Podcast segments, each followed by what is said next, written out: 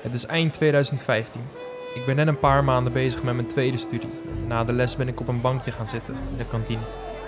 Hier kijk ik om me heen. Overal loopt, staat of zit iemand. Juist in deze drukte voel ik me alleen. Sterker nog, ik voel me niemand. Niets. Het doet me denken aan een jaar eerder, toen ik stopte met mijn eerste studie. Hier was het toen ook zo zeker over, de leraaropleiding Nederlands. Ik was ervan overtuigd dat dat het was voor me, mijn pad. Maar het was het na twee maanden studeren toch niet en hier zit ik weer.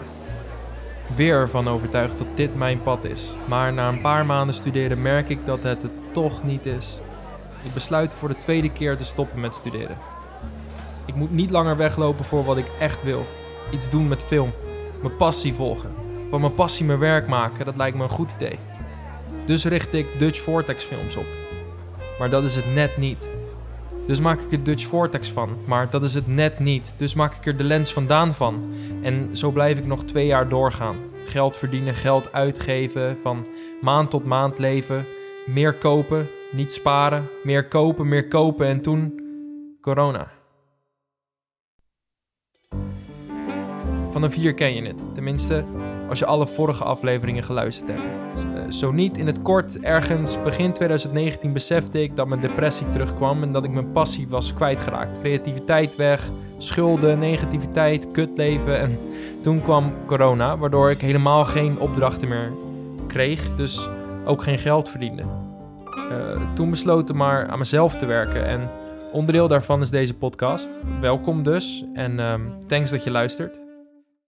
Net vertelde ik in het kort een beetje mijn freelancer verhaal. Er komt natuurlijk nog veel meer bij kijken, maar um, het is toch een klein beetje context die ik mee wilde geven voor de, voor de trend die ik ontdekte. Namelijk dat ik eigenlijk altijd heel erg ontevreden ben geweest. En dat was voor mij een, een belangrijk besef, omdat het een verklaring is voor een, voor een hoop dingen. Of in ieder geval een soort onderliggende laag in mijn problemen. Ik heb, ik heb altijd een verlangen gehad naar meer. Niet omdat ik iets zag bij een ander en, en dan dacht van, dat moet ik ook hebben, weet je wel. Maar omdat ik ontevreden was over mezelf en, en mijn leven. En dat is denk ik de ondertoon van mijn depressie en constante zoektocht naar iets anders geweest. En dit is denk ik ook gelijk uh, voor mij een, een, antwoord op een van de vragen die, uh, die op Instagram gesteld is. Namelijk uh, of, of ik dacht dat ontevredenheid door intrinsieke of extrinsieke factoren ontstaat. En ik denk dat het uh, bij mij dus heel erg intrinsiek was. Het, het kwam echt volledig vanuit mezelf. Um, omdat ik, nou ja, wat ik net al zei, het is niet dat ik ergens anders naar keek en dacht van, joh, dit moet ik hebben. Maar het was um, meer om een soort leegte in mezelf op te vullen. En ik heb dat heel erg lang gedaan door dingen te kopen. Gewoon steeds meer te willen. En ik denk dat het ook te maken heeft met. Um, Pepper zei het al in de vorige afleveringen met social media over dopamine. En dat stofje maak je dus ook aan op het moment dat je, dat je iets koopt. Het is die rush. En ik denk dat ik daar constant naar op zoek was. Eigenlijk een soort koopverslaving. Om maar uh, een soort geluk te voelen, zeg maar. En, um, en ik denk daarom dat het bij mij heel erg vanuit intrinsieke factoren uh, kwam, mijn ontevredenheid. Ja, en dan is de vraag natuurlijk ook van waarom ben je dan ontevreden? Waar komt dat vandaan? Ja, dat weet ik niet. Nog niet in ieder geval. Maar wat ik wel weet is dat ik nu een heel erg sterk verlangen heb naar minder. En dat zou ook best een goede titel zijn voor, voor een boek of zo over dat onderwerp. Maar goed, ik wil eigenlijk gaan onderzoeken waar die ontevredenheid dus vandaan komt. Om eigenlijk nog een laag dieper te gaan in het ontdekken wie ik ben, zeg maar. Want dat moet stoppen, die ontevredenheid. Tenminste, ik, ik wil dat het stopt. Mijn ontevredenheid nu wordt trouwens ook steeds minder. Want uh, ik lees een hoop waar ik wat aan heb op dat gebied. En ik help anderen en richt mijn leven steeds simpeler en minimalistischer in. Dus dat helpt. Uh, maar het beste zou voor mij zijn om de roots weg te kunnen knippen. Althans, dat denk ik. Want aan de andere kant kan ik ook kijken naar eh, wat heb ik nu in mijn leven wat ik, waar ik wel tevreden mee ben. Of um, in de woorden van Vera Helleman, uh, een, een, gat creëren in de matrix. Zo zegt zij dat. Um, dus dan ga je op zoek in een, in een matrix uh, van destructieve gedachten naar een openingetje. Ehm, waardoor dat liefdevolle en constructieve gedachten, waar die doorheen kunnen stromen. Uh, vanuit een andere gedachtegang. Maar het, het, enige probleem wat ik daarmee heb, is dat ik uh, dan het idee heb dat ik wegloop van iets wat in me zit en potentieel blijft. Hier ben ik dus nog, um, hier ben ik dus nog een beetje in tweestrijd over, wat ik daarvan vind. Iemand stelde me ook de vraag uh, over welke dingen ik voor mijn gevoel terecht ontevreden ben. Nou, dat is wel een hele goede vraag, want dat is denk ik ook, als ik er nu achteraf op terugkijk, een, een van de dingen waar ik um, de, de afgelopen tijd mee bezig ben geweest. Dus het te veel spullen hebben, veel kopen, um, een levensstijl van uh, in plaats van zelf koken, maar gewoon wat bestellen, weet je wel. Um, dat soort dingen, daar ben ik echt wel, echt wel ontevreden over. Maar ik wil dus een laag dieper gaan. Over die ontevredenheid. Want ik wil, ik wil weten waar het vandaan komt. En niet per se um, weten waar ik dan terecht ontevreden over ben, zeg maar. Want er zijn gewoon een aantal dingen in mijn leven die ik ook gedeeld heb in vorige afleveringen, waar ik, waar ik dus ontevreden over ben. En uh, daar, nou ja, luister die dan. Want dat zijn echt dingen waar ik dus terecht ontevreden over ben. En um, voor mijn gevoel. Uh, en dus ook terecht aan het veranderen ben, zeg maar. Want ik las ook dat je soms, nou ja, wat ik net al zei, dat je soms stil moet staan bij wat je wel hebt en waar je wel tevreden over bent. Um, maar ja, het, het, heeft een beetje echt twee kanten.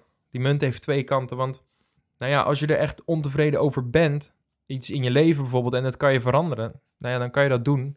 Maar aan de andere kant, als je bijvoorbeeld ontevreden bent over uh, je kleding en je blijft maar kopen, omdat je tevreden wil worden, dan, ja, dan kan je wel weer kijken naar, oké, misschien moet ik um, tevreden zijn met wat ik al heb. Dus ja, dit, wat ik al zei, die, die munt heeft echt twee kanten. Um, ik heb in ieder geval nu het idee dat ik wel goed bezig ben en naar iets duurzaams toe aan het werken ben. Over die kleding, ik ben me nu bijvoorbeeld aan het verdiepen in een capsule wardrobe.